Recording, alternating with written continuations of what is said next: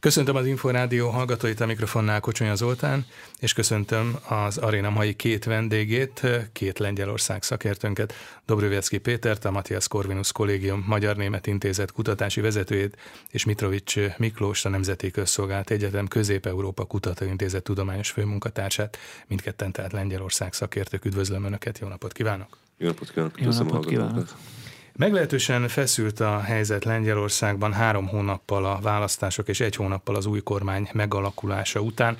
A héten a lengyel elnöki palotában tartóztatták le az előző kormány belügyminiszterét és belügyminiszter helyettesét. Most január 11-én csütörtökön délután rögzítjük ezt a, a beszélgetést, és éppen adásunkkal csak nem egy időben kezdődik vagy zajlik Varsóban a Szejm épülete előtt egy tüntetés amit az ellenzékbe kényszerült jogi és igazságosság szervezett, Donald Tusk vezette új kabinet úgymond diktatúrája ellen.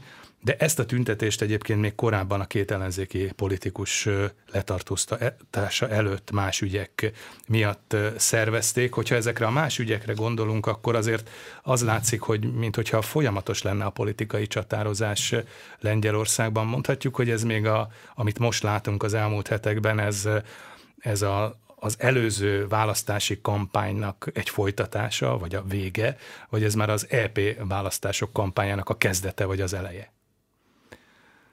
Mitrovics Miklós. Köszöntöm én is a hallgatókat. Hát én úgy látom, hogy itt arról van szó, hogy a jog és igazságosság abból kifolyólag is, hogy a legtöbb mandátumot, mint párt ők szerezték, tehát a legjobb eredményt ők érték el, győztesként hirdették ki magukat, és nem vették igazából tudomásul, legalábbis a politikájukban az látszik, hogy nem vették igazából tudomásul, hogy nem ők fognak kormányozni, és nem akarják nagyon elengedni ezt a, ezt a lehetőséget. Ez látszott abból, hogy lényegében kihúzták a hatalom átadásának a határidejét az alkotmányban lehetővé tett legvégsőbb határideig, lényegében két nap hiány kereken, két hónap múlva adták át Donald Tusk vezette koalíciónak a kormányrudat, pedig teljesen biztos volt, hogy, hogy ez a szenárió fog bekövetkezni, és azóta is hát lényegében megpróbálják a, a legalábbis a híveiknek a, a, a magrészét tűzben tartani, úgy látom, mintha azt akarnák, nem, nem hiszem, hogy még most a, a nyári választásokra gondolnak, de nyilván arra is, de még azért nagyon messze van, hanem még esetleg ö, meg lehet ezt a kormányt buktatni így rögtön az elején. Tehát, hogy, hogy fenn akarják tartani a tüzet, a lángot a táborban, a mobilizációt, ö, hogy, hogy, hogy nem, hát végül is megnyertük ezt a választást, ö, rákényszerültünk, ugyanúgy átadjuk a hatalmat, mert itt összefogtak velünk szemben, de azért mégiscsak ne nekünk kellene ezt folytatni, és hát, ha valahogy sikerül. Én erre speciál nagyon kevés esélyt látok, de azért, ha nagyon elkezdünk jogászkodni, akkor még itt a végén kiderül, hogy, hogy lehetnek olyan kis kapuk, ahol valóban van erre lehetőségük. Uh-huh. Mhm. Dobrjövecki Péter? Nem szabad elfelejtenünk, hogy a jog és igazságosság, ahogy a többi lengyel párt is listán indult a választásokon, tehát nem egy egy pártról beszélünk, hanem egy, egy párt konglomerátumról, van egy nagy párt és sok kis társutas párt, ez a polgári platform esetén is, hiszen polgári koalíció néven ők is több pártnak a tömörülését képezik, de a jog igazságosság esetében most, amit látunk, az egyfajta konszolidáció is. Tehát nyolc év kormányzást követően, két ciklus követően elvesztették a választást, és tudják, hogy nehéz, ahogy Miklós is mondta, össze kell tartani vagy a saját szavazókat, úgy, hogy ez nem egy, nem egy pártnak a tábora, hanem egy nagy tábor és hozzá becsatlakozó kisebb csoportok, akár a belső választások óta eltelt belső viszonyok, például egy kisebb csoport, a republikánusok, kisebb pártosok, bár hivatalosan belépett a jogos igazságosság, igazságosságba, mind a kommunikáció szerintem részben arról szól, hogy, hogy kármentés zajlik a jogos igazságosság házatáján, jönnek a választások, arra is fel kell készülni, és a választásokat megelőzően ne történhessen semmi olyan, esetleg egy új új kisebb csoportosulás ne érezze úgy, hogy a jogis igazságosság kárán most gyorsan nevet csinál magának a, ebben a rövid időszakban. Ehhez meg mi kell? Folyamatosan konfliktus helyzetet kell fenntartani, ahol a saját tábor már csak a konfliktus jellege miatt is inkább összezár, és kifelé ö, fordul, mint pedig az, hogy egy saját soraiban keresse a vitát. Egy fontos szempontra még fejlem a figyelmet, hogy Jaroszlav Kaczynski pártelnök többször belengedte már, hogy 70, 74 éves, a minden igaz, tehát hogy a idénhez 74 éves, magas életkorára való tekintettel ő már el tudna gondolkodni a visszavonuláson. Hmm. És hát de... lesz is ugye egy pártkongresszus, még ha jól tudom, akkor az EP választások előtt. Igen, és ugye az utód még mindig nem, nem kristálytisztán, ne, nem látszik pontosan, hogy kivenni át a stafétát. Mateusz Morawiecki bírja a pártelnök bizalmát, azonban a pártagság, ha lehet hinni a lengyel sajtó plegykáinak, azért ennyi idő után sem feltétlenül fogadta el őt vezető hmm pártpolitikusként. És az nem hárul rá negatív tényezőként, hogy hát nem sikerült mégiscsak kormányt alakítani, pedig hát az első körben a köztársasági elnök őt kérte fel kormányalakításra. Hát azért ez egy, egy nehéz feladatnak ígérkezett volna, tehát igazából az történt, amit Miklós mondott, hogy az alkotmányos lehetőségek maximalizálásával próbáltak elhúzni, meddig lehet a dolgot, mm. de rá is esély az első napok után nem mutatkozott, amikor a potenciálisan elcsábítható képviselők vagy politikai formációk karakánul módon jelezték a jogos igazságosság számára, hogy nem kívánnak egy harmadik. Miért kosarazták ki ilyen nagyon határozottan egyébként a jog és igazságosságot? Hát ugye itt, Miklós. itt lényegében a, a lengyel néppárt, a PSL jöhetett volna szóba, az, a PSL frakciója jöhetett volna szóba, akiket ki lehetett volna hogy mondjam, csalogatni az ellenzéki, akkor még ellenzéki, győztes ellenzéki koalícióból. Ugye ez egy vidéki bázisú párt, többnyire konzervatív képviselőket juttattak a, a szembe, világnézetileg, kulturálisan közel állnak a, a PISZ táborhoz, a PISZ-es De most mégis ott vannak a Donátus vezette Igen, hát de ők ott voltak 15 előtt is, tehát ne felejtsük el, hogy előtte 8 évig is a Donátus vezette polgári platformmal kormányoztak. Való igaz, hogy még korábban kormányoztak például a baloldallal is. Egyébként pont a jog és igazságossággal nem kormányoztak sohasem. Ennek azért valószínűleg vannak olyan okai, hogy ez a két párt riválisa is egymásnak, és az elmúlt nyolc évben azért az volt a tapasztalata a PSL-nek, hogy a PISZ megpróbálta azért maga alá gyűrni őket, mint kisebb párt, és hát ezt nem vették jó néven, finoman szólva sem. Másrészt meg azt gondolom, hogy a PSL nem annyira ultrakonzervatív, mint a, mint a PISZ. A PISZ-nek vannak azért olyan túlhajtásai ezen a téren. Ö- Nyilván nem mindenben a polgári platform nézeteit vallják, amely viszont liberálisabb sok kérdésben a PSL-nél, de azt gondolom, hogy a politi- közös politikai kormány, a kormányzások közös politikai múlt, a közös együttműködési tapasztalatok és a pisz való rivalizálás és a PISZ magatartás velük szemben eléggé hozzájárult ahhoz, hogy nem. Másrészt meg nem illet volna felrúgni a koalíciót, ugyanis arra esküdtek fel ezek a a pártok, mind a polgári koalíció, mind a harmadik út, amelynek ugye tagja volt a PSL, mind a baloldal, hogy leváltják a PISZ kormányt. Tehát ők erre kaptak felhatalmazást, az egész kampány erről szólt, erre optimalizáltak mindent, felosztották egymás között a témákat, mindenki maximalizálta a saját táborában a lehetséges szavazatokat, sikerrel ráadásul. Az a saját szavazójuk hogy mondjam, hát saját szavazójukkal szemben sem tehették meg, hogy, hogy átállnak a másik oldalra, és egyébként szerintem pont látszik a, a december 13-a utáni eseményekből, hogy ezt a koalíciót lehet, hogy sok minden megosztja világnézeti kérdésekben akár, vagy társadalmi kérdésekben. koalíciónak is mondani, nevezik. Mondjuk, lehet mondani de egy, egy dolog nagyon összetartja őket, hogy a, a PISZ kormányt le akarták váltani, és most megnyerték a választást, most el is szeretnék takarítani azt, amit a PISZ felépített az elmúlt nyolc évben. Tehát pont ebből az elszántságból látszik visszamenőleg, hogy miért nem lehetett őket kiszakítani, mert ők erre esküdtek fel, nagyon hmm. komolyan gondolták, és most nagyon komolyan végrehajtják. Beszélünk majd részletesebben még a lengyelországi belpolitikai helyzetről és történésekről, párt viszonyokról. De most még egy kicsit részletesebben talán ejtsünk szót a heti történésről, tehát amit itt a bevezetőben is említettem, hogy a, a héten letartóztatták az előző kormány belügyminiszterét és belügyminiszter helyettesét. Ugye két olyan politikust vettek őrizetbe a rendőrök, akiket korábban elnöki kegyelemben részesített az államfő, és hát azért egy több évre visszanyúló ügyről van szó, hiszen ez a, a belügyminiszter és a belügyminiszter helyettes ugye korábban két év letöltendő szabadságvesztésre ítélte őket a, a bíróság, aztán jött a, az elnöki kegyelem, de ha jól tudom, akkor most volt egy újabb bírósági eljárás, vagy egy legfelsőbb bírósági eljárás. Egyáltalán milyen ügyben nyomoztak ellenük, és mi volt a vád ellenük?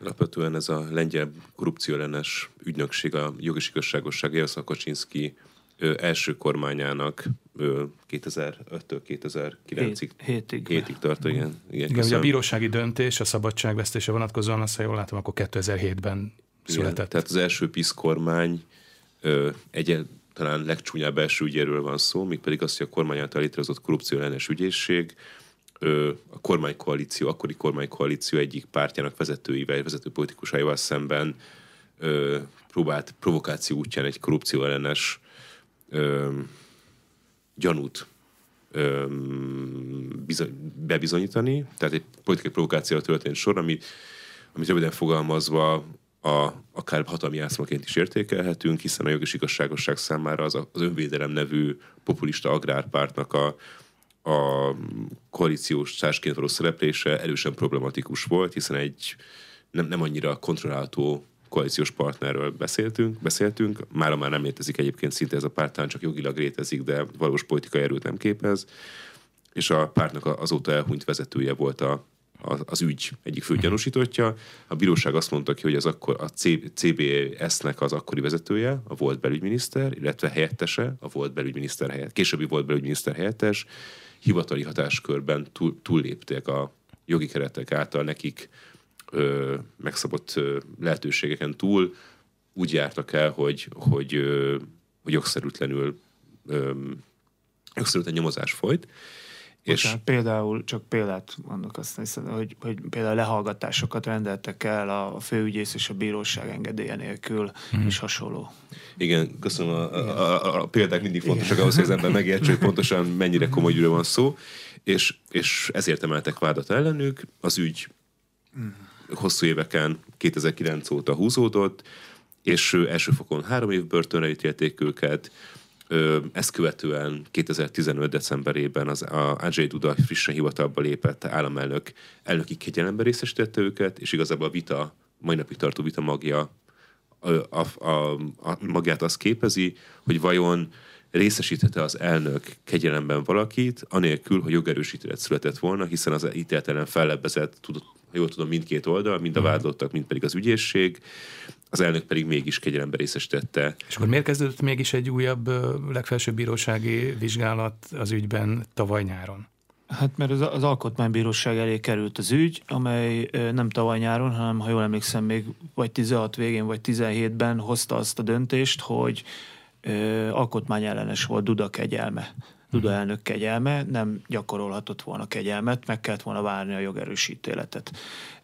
Na most ezt nem vette figyelembe senki, de közben a legfelsőbb bíróság kiadott egy olyan határozatot, hogy le kell folytatni a tárgyalást. Hát az, hogy miért húzódott el, ez egyébként 2016-17-től éppen 2023 decemberéig ez nyilván azért, mert ameddig a PISZ volt kormányon, ők ezt... Tehát akkor tulajdonképpen a jogi, vita, nem, a jogi vitának a lényege az, hogy érvényese ez az elnöki kegyelem. Így Mert van. azért az ugye nyilván nem mindegy. Hogy... Csak aztán, mivel az Alkotmánybíróság, illetve a legfelsőbb bíróság határozat alapján lefolytatták végül most a, a, a másodfokú tárgyalást, és jogerősítéletet hoztak, két évre ítélték ugye mindkét szemét. Ez azzal járt, hogy akkor most ez, ez jogerős, tehát börtönbe kell vonulni, a képviselő mandátumokról le kell mondani. Csak hát a két... Akkor erre már nem vonatkozik az elnöki kegyelem. Hát Ugye ez, ez, ez is jogá, jogászkodás folyik Lengyelországban, alkotmánybírók hada áll egymással szemben egyik és másik oldalról, nap mint nap többen megszólalnak az ügyben. Igen, csak gondolom a politikai olvasata az a jogi érvek és ellenérveken túl az, hogy tömlöcben van két ellenzéki politikus. Igen, hát nyilvánvalóan azért mentek az elnöki hivatalba, mert ott még szerettek volna Duda elnökkel erről valamit tárgyalni. Végül is, ha jól tudom, hivatalosan Duda nem foglalt aztán állást, hogy megváltoztatja. Azt hiszem volt ilyen terv, hogy megváltoztatja a korábbi ö, ö, kegyelmét, de ez már szerintem tényleg a jogi csűrcsavarás kategóriája. Ha nagyon nagyszerű látni akarnak, van egy jogerős ítélet, az Alkotmánybíróság szerint nem érvényes az elnök kegyelme, tehát be kell vonulniuk a börtönbe. Ez a nagyon egyszerű, leegyszerűsített jogi része a dolognak, és valóban a rendőrség, mivel maguk a, a a, az elítéltek nem vonultak be, a rendőrség ment értük, és az elnöki palotában találta meg őket, mivel a sajtóból lehetett tudni, hogy éppen hát Keresték tartoz... állítólag reggel is már a, a ott, lakásukon, és csak igen, akkor nem találták. Nem találták, de lehetett tudni, hogy, hogy hol vannak, tehát utánuk mentek, és elvitték őket egy varsói rendőrösre. Egyébként ma reggel szállították el őket onnan két különböző büntetés végrehajtási. Egyikük közben éjségsztrájkba kezdett. Most már mindketten is. Mindketten? mindketten. Ugye hát a politikai része az, hogy a, a, a két képviselő nem vett tudomást a decemberi ítéletről, továbbra is bejártak a szembe, szavaztak, a frakciójuk természetesen hősként ünnepelte őket, most pedig politikai fogolyként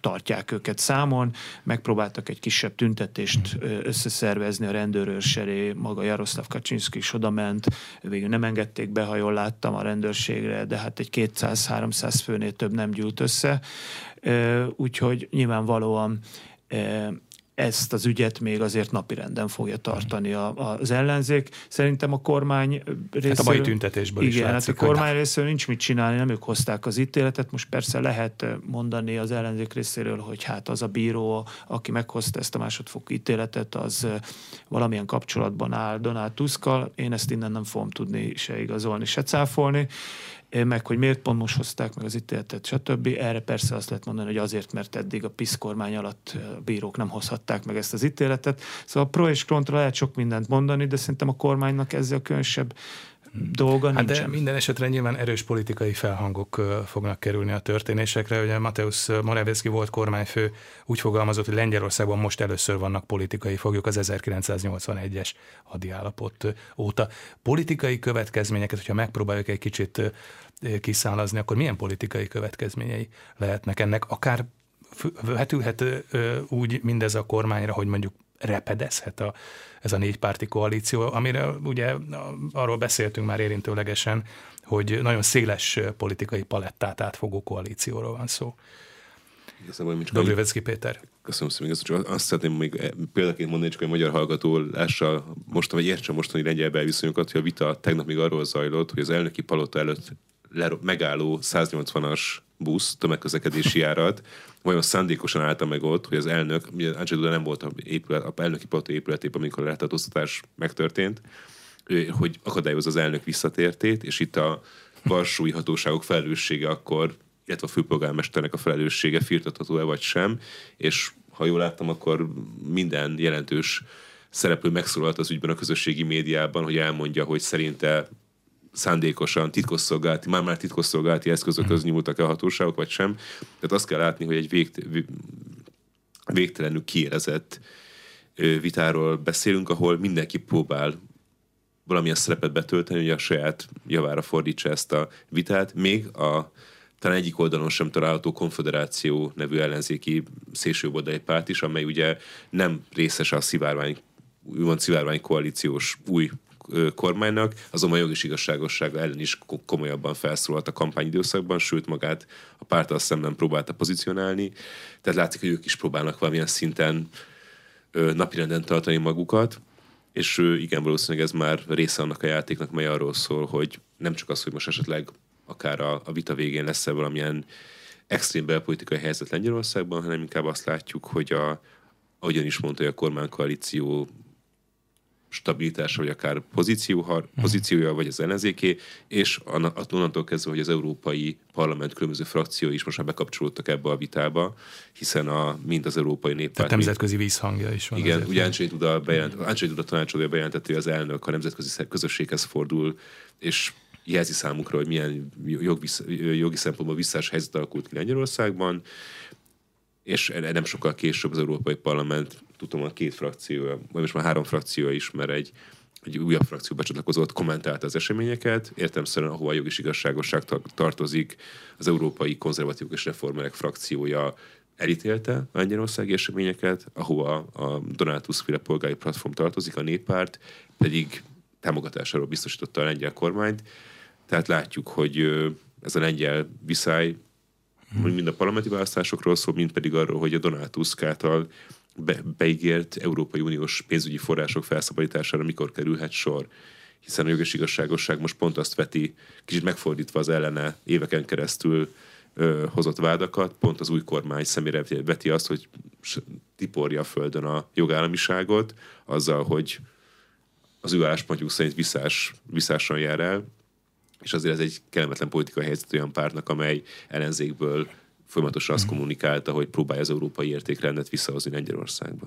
Konkrét parlamenti történésekre vagy parlamenti ügyekre is lehet mindennek hatása, ugye költségvetési vita zajlik, költségvetési törvény van napirenden, és ugye nem a költségvetés, de a költségvetéshez kapcsolódó javaslatot például megvétózta, vagy tör, jogszabályt megvétózta a köztársasági elnök. Hát ez, ez az ügy annyi két szempontból is hatással van. Egy, hogy emiatt elhalasztották a szem januári ülését, tehát ez azt jelenti, hogy egy héttel leszűkült az az időkeret, amiben a 2024-es állami költségvetést meg kell tárgyalniuk. Első olvasat, azt hiszem az első olvasat meg volt, második olvasat majd ugye el kell fogadni, el kell küldeni a szenátusnak, a szenátus szintén megtárgyalja, majd tesz módosító javaslatokat, visszaküldi a Szejm elé, akik vagy megfontolják, vagy nem, de el kell fogadni. Tehát lényegében azt hiszem két hétre szűkült, január 29-ig el kell fogadni. Ha nem lett volna ez a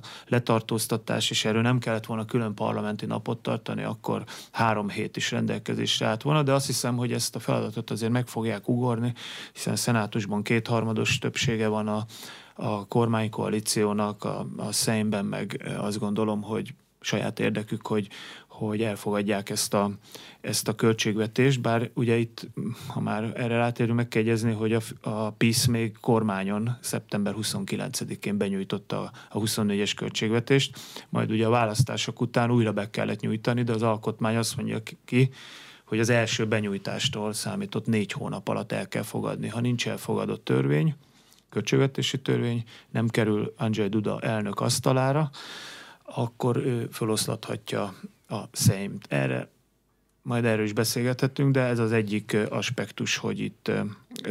De lehet ez a forgatókönyv egyébként? Tehát mehetnek-e felé a dolgok, vagy a történet? Azért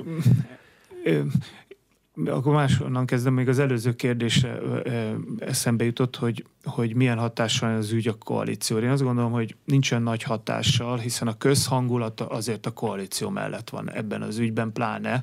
Szóval ez nem látszik, akármit néz az ember, bármelyik párt, még beleértve a szélső jobboldali konfederációk jelöl, képviselőit is, vagy véleményvezéreit, vagy a közösség médiában, a Twitteren, vagy Facebookon a különböző posztok alatt a pártoknak a szavazóinak, vagy híveinek a megnyilvánulásait, vagy mondjuk a jogászoknak azt hiszem a többsége úgy van vele, hogy ez egy jogszerű döntés, ezen nincs mit vitatkozni. Tehát menjenek a börtönbe, ha el vannak ítélve.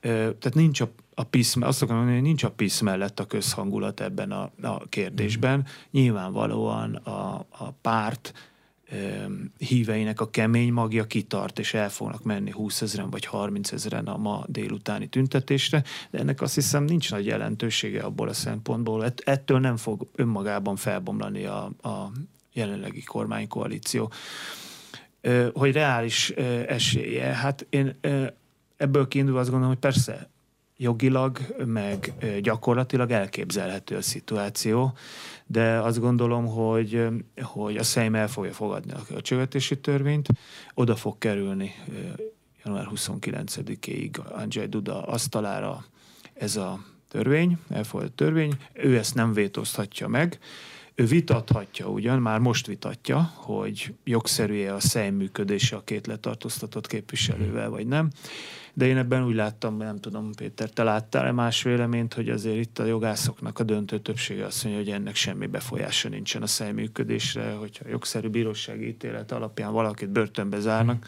majd pótolják őket a listáról, ha akarják. De egyelőre úgy látszik, hogy nem akarják, mert ha pótolnák, akkor lemondanának erről a harcról, hogy őket Igen. szabadítsák ki, nem? Tehát arra nem tudom, hogy milyen törvény van, hogy mi van akkor, hogyha egy párt nem akarja betölteni a számára rendelkezésre álló széket a, a szemben. Erre nem biztos, hogy föl van készülve a jogalkotó, hogy valaki lemondana erről, de nincs nagy jelentősége. Két képviselővel több vagy kevesebb, mm. ugye nem, nem szoros a, a, a a mandátum eloszlását. Bő, igen, elég nagy többsége van. Igen, ugye, bő 30 fős többsége van a kormánykoalíciónak, tehát semmi nem osz, nem szoros, hogy ők szavaznak-e vagy nem, de nyilván ezt vitatni fogja Duda, el fogja küldeni az alkotmánybíróságra a, a, a, a törvényt.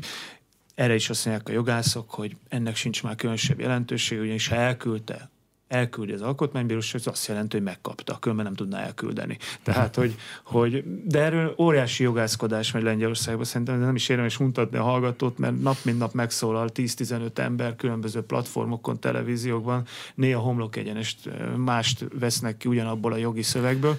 A lényeg az, hogy elvileg fennáll a lehetősége, uh-huh. hogy azt mondják, hogy nincs, és felosztatják, de azt gondolom, hogy ennek nagyon súlyos következményei lennének, és mivel nem áll a PISZ mellett igazából a közhangulat ebben a kérdésben, én nem gondolom, hogy meglépnék. Uh-huh. Ha mellettük állna, ha mondjuk azt látnánk, hogy elsöp, elsöprő többség a társadalomnak mellettük áll, és ma két millió ember kimenne Varsó uh-huh. utcáira, akkor nem tartanám kizártnak, hogy akár megkockáztatnak egy ilyen lépést. De jelenleg ez nem látszik, persze január 29-ig még sok minden történhet, azért ezt ne, ne vessük el. Milyen forgatókönyvek jöhetnek? Dobrövecki Péter. Hát amennyiben a parlament felosztatására kerülne sor, úgy előrehozott választásokat kéne kiírni, ami azonban mostani lengyel belpolitikai hangulatban nem lenne egy feltétlenül zöggenőmentes és demokratikus fordulat, hiszen a, onnantól kezdve mind a kampány során, mind pedig most a, az új kormány felállását követően valamelyik oldal az utcára hívja a saját ö, támogatóit. Ö, várható lenne, hogy egy ilyen, egy ilyen lépést a, a Donátus vezette kormánykoalíció pártjai a, a demokratikus értékrend alapvető megdöntéseként értékelnék, Öm, illetve Andrzej Duda számára is talán egy, egy minden eddiginél ö, határt meghaladó döntés lenne. Andrzej Duda a második ciklusát tölti, 25-ben ö, kitölti a két éve második, második elnöki ciklusát, azt követően pedig az ő politikai jövője kérdésesül. Korábban a jog és igazságosság támogatásával lett kétszer államfő, de alapvetően nem tartozik a, a párt vezető politikusai közé. Egyfajta új arca volt 2015-ben a jog és igazságosságnak a elnökválasztási kampányban. Úgyhogy nem tudom, hogy Miklós, te hogy látod, de én, én, én nem, nem látnék egy... Egyet Miklós, Miklós. hogy nem lenne túl bölcs döntés ezt meghozni, ráadásul nagyon gyenge jogi lábakon állna, mert ugye ez az egyetlen jogi... Én, én azt kizárom, hogy, hogy nem fogadja el a Szejm a, a uh-huh. törvényt, hiszen saját érdekük. Mert nem fogadják el, akkor valóban, akkor erős jogi felhatalmazása van, alkotmányos felhatalmazása van az elnöknek a Szejm felosztatására és az előze, előrehozott parlamenti választások kiírására. De én ezt nem tartom valószínűleg. Biztos, hogy el fogják fogadni, még akkor is, ha két hét áll rendelkezésre, akkor éjszaka is fognak ülésezni. Ez egészen biztos. Volt már ilyen a lengyel mhm. parlamentarizmus történetében. És ugye akkor viszont az a gyenge érv, hogy a két képviselő börtön börtönbe lévő képviselő hiánya miatt jogszerűen szavaz egyáltalán bármiről a Szejm. De ebben azt hiszem tényleg a döntő többség az alkotmányjogászoknak azt mondja, hogy ennek semmi befolyása nincs a Szejm munkájára, és én is azt gondolom laikusként, hogy nem lehet, hiszen ha valaki jogszerűen tölti a büntetését, akkor nyilvánvalóan nem gyakorolhatja a parlamenti mandátumát. Azt majd be kell tölteni, annak megvan az eljárása. Ez nyilván nem fog megtörténni 29-ig, nem csak azért, mert látható a Jaroszlav Kaczynski pártelnök egyelőre nem akarja betöltetni ezt a két helyet, hanem azért sem, mert ez egy hosszabb ö, procedúra, tehát nekik uh-huh. az új, a listáról kiválasztott új ö, képviselőknek ö, majd valamikor, ha ezt a Szejm elnöke marsalja kitűzi az idejét, akkor majd újra esküt kell tennie, stb. stb. Tehát ez nem fog menni ebben a két hétben, ez egészen biztos, hiszen tele van a mhm. parlamenti ülésszak napirendje de azt gondolom, hogy ez gyenge jogi lábakon állna, ha, ha Duda ezt meglépne, és valóban joggal mondhatná Donald Tusk, hogy, hogy ez egy uh-huh. pucs. Jó, hát ez egyébként is ugye egy erősen hipotetikus verzió, de hát azért az elnöki vétó az például adott, és az, az ott van, és ennek a lehetőségével élt is már Andrzej Duda köztársasági elnök. De mit jelent ez a gyakorlatban? Szélesebb jogosítvány, szélesebb hatásköre van? Tehát ugye nem csak normakontroll lehetőségével élhet, hanem mm. vétózhat. Ugye a költségvetését, arra utaltunk már a, a beszélgetés első részében, hogy a költségvetési törvényen kívül tulajdonképpen vétójoggal rendelkezik a köztársasági elnök Lengyelországban sőt, törvény, kezd, Péter. sőt törvényalkotó joga is rendelkezik, tehát a Karácsony Tudás benyújthat törvényjavaslatokat tárgyalásra a szájm mellé.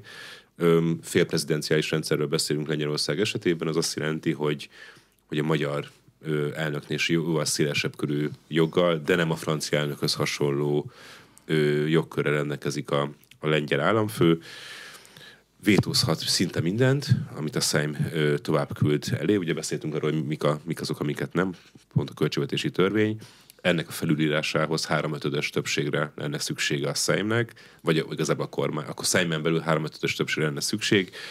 A modern egyet demokrácia történetében kormány még nem rendelkezett ekkor a parlamenti többséggel, úgyhogy minden bizonyal most sem tudná összekovácsolni, hiszen ez azt kell, hogy akár jog igazságosság képviselőnek egy része is átszavazzon a kormány oldalra, hogy felülják az elnöki vétót. Andrzej Duda választásokat követően ha rövidesen bejelentette, hogy alapvetően a, a lengyel nemzeti érdekek védelmezőjeként ö, tekint élni magára, és élni fog a vétójoggal. Ugye úgy fogalmazott, hogy amennyiben a szuverén lengyel nemzeti érdek sérülni fog, úgy, úgy vétózni fog, és, és alapvetően utalt arra, hogy a jogos igazságossághoz köthető vívmányok, elmúlt két ciklus vívmányait ő védelmezni fogja. Megnehezítheti azért Bocsánat, Mitrovics Miklós? Igen, most itt elhangzott ez a szuverén, szuverén lengyel értékek védelmezőjeként definiálja önmagát, úgy meglehetősen hogy mondjam, kicsit furcsa, hogy Andrzej Duda nemzetközi szervekhez, fórumokhoz és külföldi államfőkhöz fordul annak érdekében, hogy avatkozzanak be a lengyel ügyekbe, hogy tehát itt a két képviselő ügyében, tehát azért óvatosan kell bánni ezekkel a szavakkal, illetve távolságtartással kell kezelni ezeket a e, megjegyzéseket. Duda valóban erős felhatalmazással bír egyébként számos területen, tehát nem lehet nélküle követeket kinevezni, visszahívni egy csomó állami intézmény élére e, e, a kinevezés Duda jóváhagyásával hmm. történik. Ugye egy rengeteg olyan nemzetközi szervezet, összefogás, együttműködés van, ami államfői szintű, tehát Duda képviseli, tehát a külügy, külügyekben is megkerülhetetlen, megkerülhetetlen egyébként uniós ügyekben is az elnök a lengyel törvény szerint, tehát nem lehet őt kiadni. Valóban, De ha akarja, akkor megnehezítheti a abszolút, Tusk kormány abszolút, mindennapjait? Abszolút megnehezítheti, és hát mint ahogy Péter idézte, tett is ilyen megjegyzés, bár amikor Donald Tusk kormánya letette az esküt, akkor kicsit békülékenyebb hangnemet ütött meg, aztán azt hiszem az a január 1 vagy szilveszteri megnyilvánulása megint megint kicsit radikálisabb volt, hát nyilván ez mindig összefügg azzal, hogy éppen mennyire parázs a mhm. politikai hangulat, de azt gondolom, hogy sok törvényt meg fog vétózni még két. Milyen az ő személyes viszonyuk egyébként Donald Tusknak és Sanjay Dudának? Hát szerintem olyan nagyon sok uh, személyes viszonyuk nem lehet, mert amikor Andrzej Duda elnök lett, Donald Tusk már nem tartózkodott Lengyelországban, már mint hogy nem Lengyelországban uh, igen, tevékenykedett. Ugye 14-ben elment Brüsszelbe, az Európai Tanács élére. Aztán a néppárti elnök a Eva Kopácsnak a miniszterelnökséget, tehát lényegében nem ő vesztette el miniszterelnökként a 15-ös választásokat. Egyébként visszatekintve szerintem hiba volt, lehet, hogy azt gondolt, hogy nélküle is nyernek, de öm, öm, azt gondolom, hogy vele nem biztos, hogy veszítettek volna. Öm, ott egy kicsit öm, azt hiszem elbízták magukat. Szóval ők, ők igazából maximum nemzetközi fórumokon Brüsszelben találkozhattak mhm, legfőképpen. Mhm. Én nem hiszem, hogy mivel Duda... nem volt egy rendszeres mert, kapcsolat, mert Duda igen. mielőtt elnök lett, azelőtt ő nem volt aktív politikus. Tehát mármint nem országosan hmm. ismert aktív politikus volt. Ugye Krakóban a Jagelló Egyetem jogi karáról jön, ha jól emlékszem. Hmm. Tehát ő tényleg egy új arc volt, akit bedobtak az elnökválasztási kampányba, és hát azért valljuk be mindenki meglepetésére nyerte meg ezt a választást. Nincs és is annyira beágyazva Duda a PISZ-be? Mert ugye szóba került már az, hogy lesz egy közelgő még az EP választások előtt egy pártkongresszus, és ott őt is egyébként esélyes jövőbeni vezetőként emlegetik, mert hogy az ő mandátuma 2025-ben lejár, és két ciklus után nem is újrázhat. Dobrovecki Péter. Most 2024 elején kijelenteni, hogy majd a lemondó elnök 2025-ben követően átveszi a párt irányítását, azért valószínűleg nem egy okos döntés lenne a hívek megnyugtatására, de tény, hogy, hogy igazából az ő személyes döntése kell, hogy legyen, hogy ő egyáltalán szeretne uh-huh. ö, vissza akar térni a katedrára, vagy szeretne de szeretne aktív politikus pályafutást folytatni. Az ő megítélése egyébként jellemzően a mostani vita előtt mérések szerint pozitívabb volt, mint a vízvezető politikusai, tehát alapvetően ő ez, ez emellett szólna, hogyha akarna folytatni, akkor folytathatna erre bazírozva. Mm, azt is tudni kell, hogy pont amiatt Miklós által említett tények miatt ő sokszor önálló politikát folytatott, vagy legalábbis látszólag önálló politikát folytatott Lengyelországban, és azért bátran visszaküldött akár jog és igazságosság által mm. kezdeményezett törvényeket is újra gondolásra, főleg a legkiélezettebb, leg, legvitásabb törvények esetében.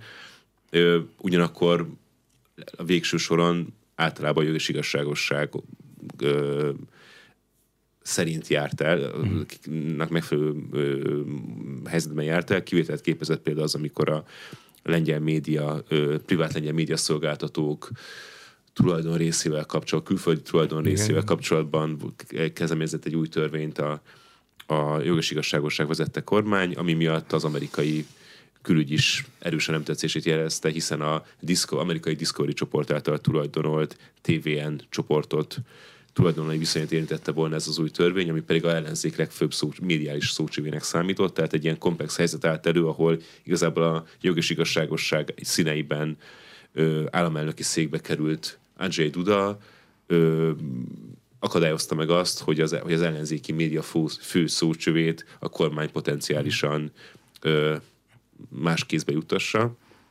Úgyhogy látjuk, hogy voltak ilyen visszás helyzetek de alapvetően a jogos igazságosság esetében egy, egy ilyen médiál átvezető személyre ennek szükségtelen, aki már most Jaroszláv Kaczynszki mellé felnőhetne, és a párt többsége, pártagság többség számára elfogadható lenne, előkészítve potenciálisan egy, egy végleges új pártfőtitkár belépését a szintére a közepes távon.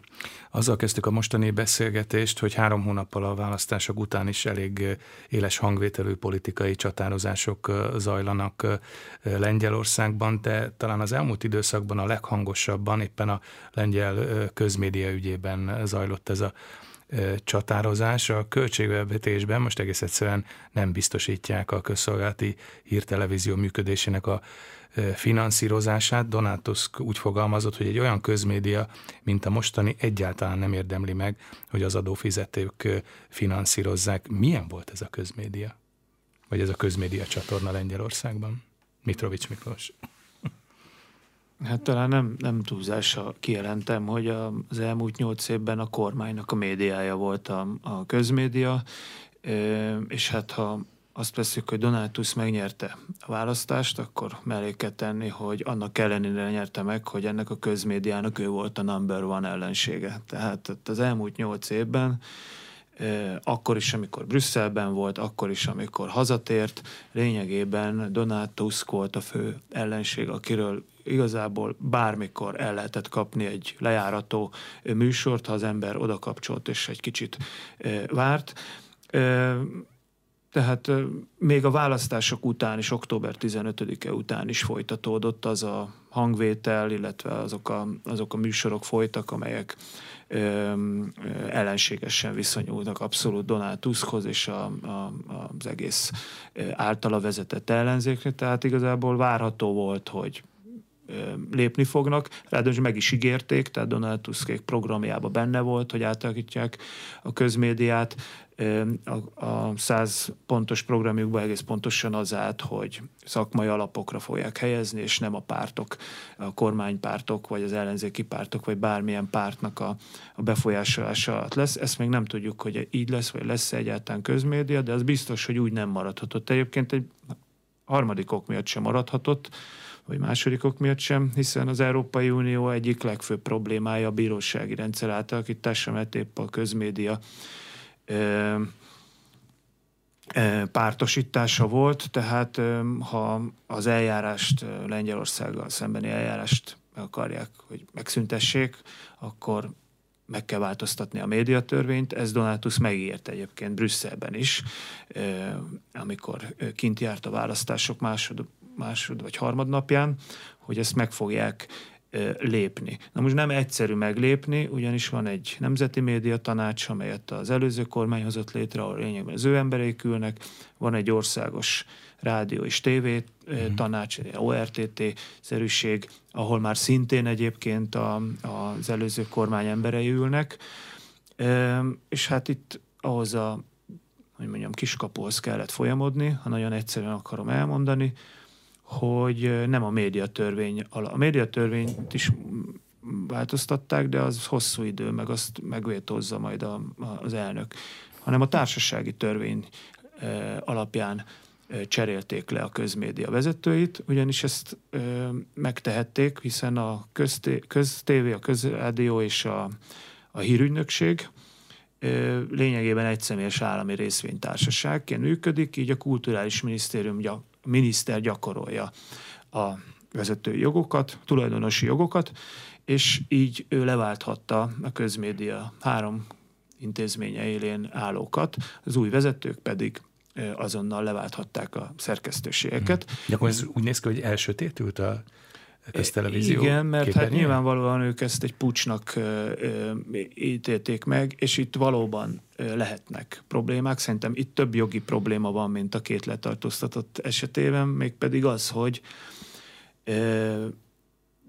a társasági törvényt lehet-e alkalmazni önmagában, valószínűleg inkább nem, csak a médiatörvény speciális rendelkezésével összhangban. Ugye utána hát ki is derült, hogy a, a cégbíróság a napokban elutasította a három új vezető igazgatónak a mhm. bejegyzését, tehát lényegében ők most a cégbíróság szerint jogtalanul gyakorolják mhm. a vezetői hatalmat. Tehát ez egy sok, sokkal jogilag sokkal, hogy mondjam, szövevényesebb és bonyolultabb ügy, és hát erre végül is ráerősített még decemberben a kormány, hogy akkor megvonják addig a költségvetést, ameddig így működik ez a, ez a közmédia. Úgyhogy ennek ez, ez szerintem még sokáig el fog húzódni, és itt még perek is lesznek, hiszen a, nem is beszéltünk, hogy a kirúgott, nem is tudom, hogy hány fő, itt több tucat kirúgott uh, műsorkészítő van, akik valószínűleg be fogják perelni a közmédiát, és nagy esélye mm. meg is nyerhetik a pereket. Mm. Igen, illetve azt érdemes hozzátenni még, hogy a finanszírozás úgy oldja meg most a, a kormány, hogy csődereljárás alá vonta ezt a céget, hiszen ez, a, ez, a, ez, ez lehetővé teszi azt, hogy kikerülve a törvényi szabályozást, tovább finanszírozza a, addig is a fenntartó ugye a minisztériuma a, a hírűnökség, a rádió, illetve az állami tévé működését. Kérdés ugye persze, hogy egy, egy ilyen eljárást jogilag meddig lehet, lehet a végtelenségig húzni, még nem lesz megegyezés.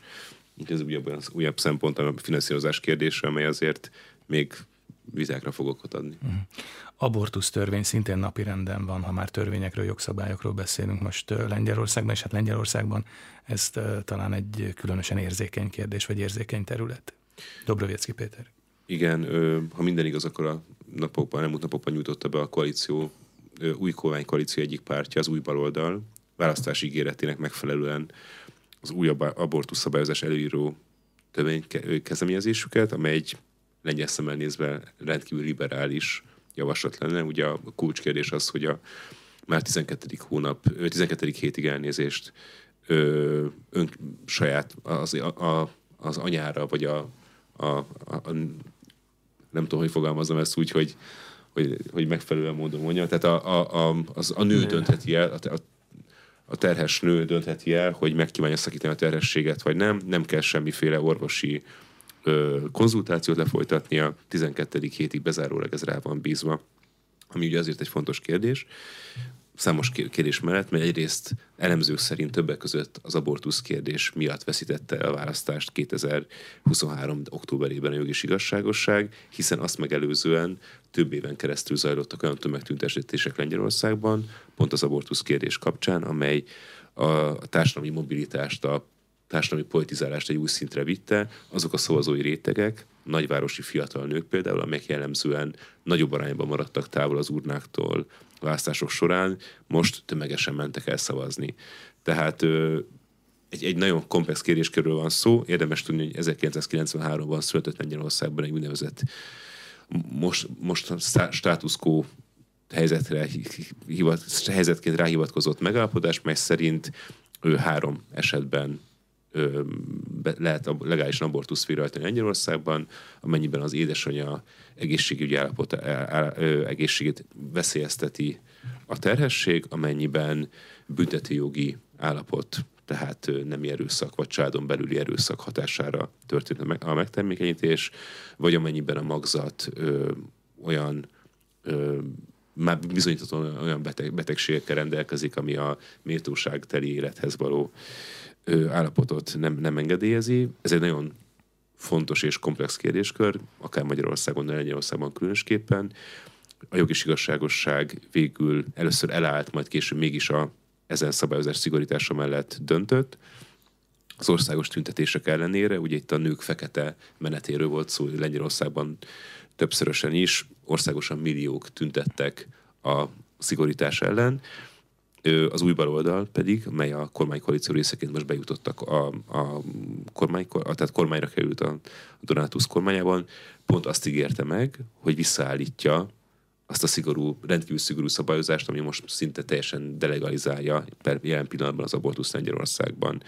Azonban, és most jön a fő kérdés a kormánykoalíció stabilitása szempontjából, az az, hogy hogy fognak a konzervatívabb koalíciós partnerek reagálni erre a meglehetősen liberális új szabályozási kezdeményezésre, hiszen például a, a harmadik út nevű közös formáció, mely a Miklós által említett Lengy- PSL lengyel népi pártod, illetve a ö, Lengyelország 2050 új pártnak a közös formációja, ott például a két ö, formációtag is ellentétes állásponton azt illetően, hogy mit kéne csinálni. Az egyik azt mondja, végülis a választásokat megelőzően a közös programban azt írták el, hogy egy nemzeti konzultáció vagy egy népszavazást szeretnének kezdeményezni a kérdésben, így hidalva át azt a problematikát, hogy a két párt nem ért egyet a liberalizáció kérdésében. Szintén kérd, fontos szempont még, hogy a polgári koalíció, amely ezért ahogy korábban az elején, beszélgetésünk elején említettem, azért egy szintén széles spektrumot lefedő politikai formáció, annak a teljes tagsága hogyan látja ezt a kérdést. A párt jellemzően, a múltban legalábbis jellemzően liberális állásponton volt, gazdasági kérdésekben, társadalmi kérdésekben pedig azért konzervatívabb politikát vitt. Úgyhogy ez egy olyan számomra talán ez lehet az a kérdés az elkövetkező időszakban, amely a koalíciós kormány, a koalíciók különböző pártjain belül élénkebb vitát várthat ki. Nem látom annak esélyét, hogy ez a kormánykoalíció felbomlásához vezetne, azonban öm, érdekes számomra, mint, mint lengyel belpolitikával foglalkozó személynek érdekes kihívás elé állítja ezt az új koalíciós kormányt, talán az első alkalommal belső okok miatt. Uh-huh. Én csak annyit Miklós? tennék hozzá, hogy, hogy valóban ez megoszthatja a koalíciót, hiszen a koalíciós szerződésben is lényegében csak annyit vállaltak, hogy semmis, meg, semmisé teszik a PISZ kormány által elfogadott változatot, ami mondjuk jogi nonsens, hiszen akkor valamilyen törvényt el kell fogadni helyette, nincs, hogy semmisé teszünk egy ilyen ügyben egy törvényt, és nincs helyette más szabályozás. Azt gondolom, hogy egyébként az esélytelek nyugalmával adhatta be a baloldal ezt az új törvénytervezetet, mert ha tegyük fel, hogy meggyőzi a koalíciós partneréket, és ők elfogadják, így ahogy van, akkor is szinte nagy összegben lehet ráfogadni, hogy Andrzej Duda ezt a törvényt meg fogja vétózni. Tehát 2025 májusáig, ameddig Andrzej Duda egészen biztos hivatalban van, ez a törvény nem fog átmenni ilyen formában. Aztán lehet majd abban bízni, hogy akkor egy olyan elnök lesz, mondjuk Rafal Csaszkowski, vagy a mostani valószínűleg elnöki ambíciókkal bíró szejmelnök Simon Halovnya, aki majd aláír egy ilyen törvényt, és akkor elfogadják. Viszont a baloldal is mondhatja a szavazói számára, hogy igen, mi megígértük, mi benyújtottuk, nem rajtunk múlt, hogy hmm. nem fogadták el. És azt hiszem talán az esélytelenség nyugalmával akár meg is szavazhatja a Szejm a baloldal javaslatát, hiszen tényleg borítékolható, hogy ezt a konzervatív táborhoz tartozó uh-huh. Duda nem fogja aláírni, már csak azért sem, mert az a tényleg szembefordulna az eddigi őt támogató pártcsaláddal. Vagy még egy másik szenárió, amit el tudok képzelni, hogy a baloldal most beadott egy maximum tervet, és ebből majd szépen a különböző bizottságokban, meg majd a különböző ö, szépen lefaragnak, és talán visszatérnek jó esetben mondjuk a 93-as törvénykezéshez, amit tegyük hozzá, ez is rendkívül szigorú szabályozás volt. A nők már akkor is tömegével jártak külföldre abortuszt elvégeztetni. Úgyhogy sok minden elképzelhető. Egyet nem tudok elképzelni, hogy Duda aláír egy ilyen törvényt, amit jelen pillanatban a baloldal benyújtott. Azt taglaltuk a beszélgetés kezdetén, hogy a mostani politikai csatározások Lengyelországban vajon még a választási kampány utórezgései, vagy a kormányalakításhoz kapcsolódó történések, vagy már tulajdonképpen a, az EP választások előkészületének a jegyében zajlanak ezek a csatározások.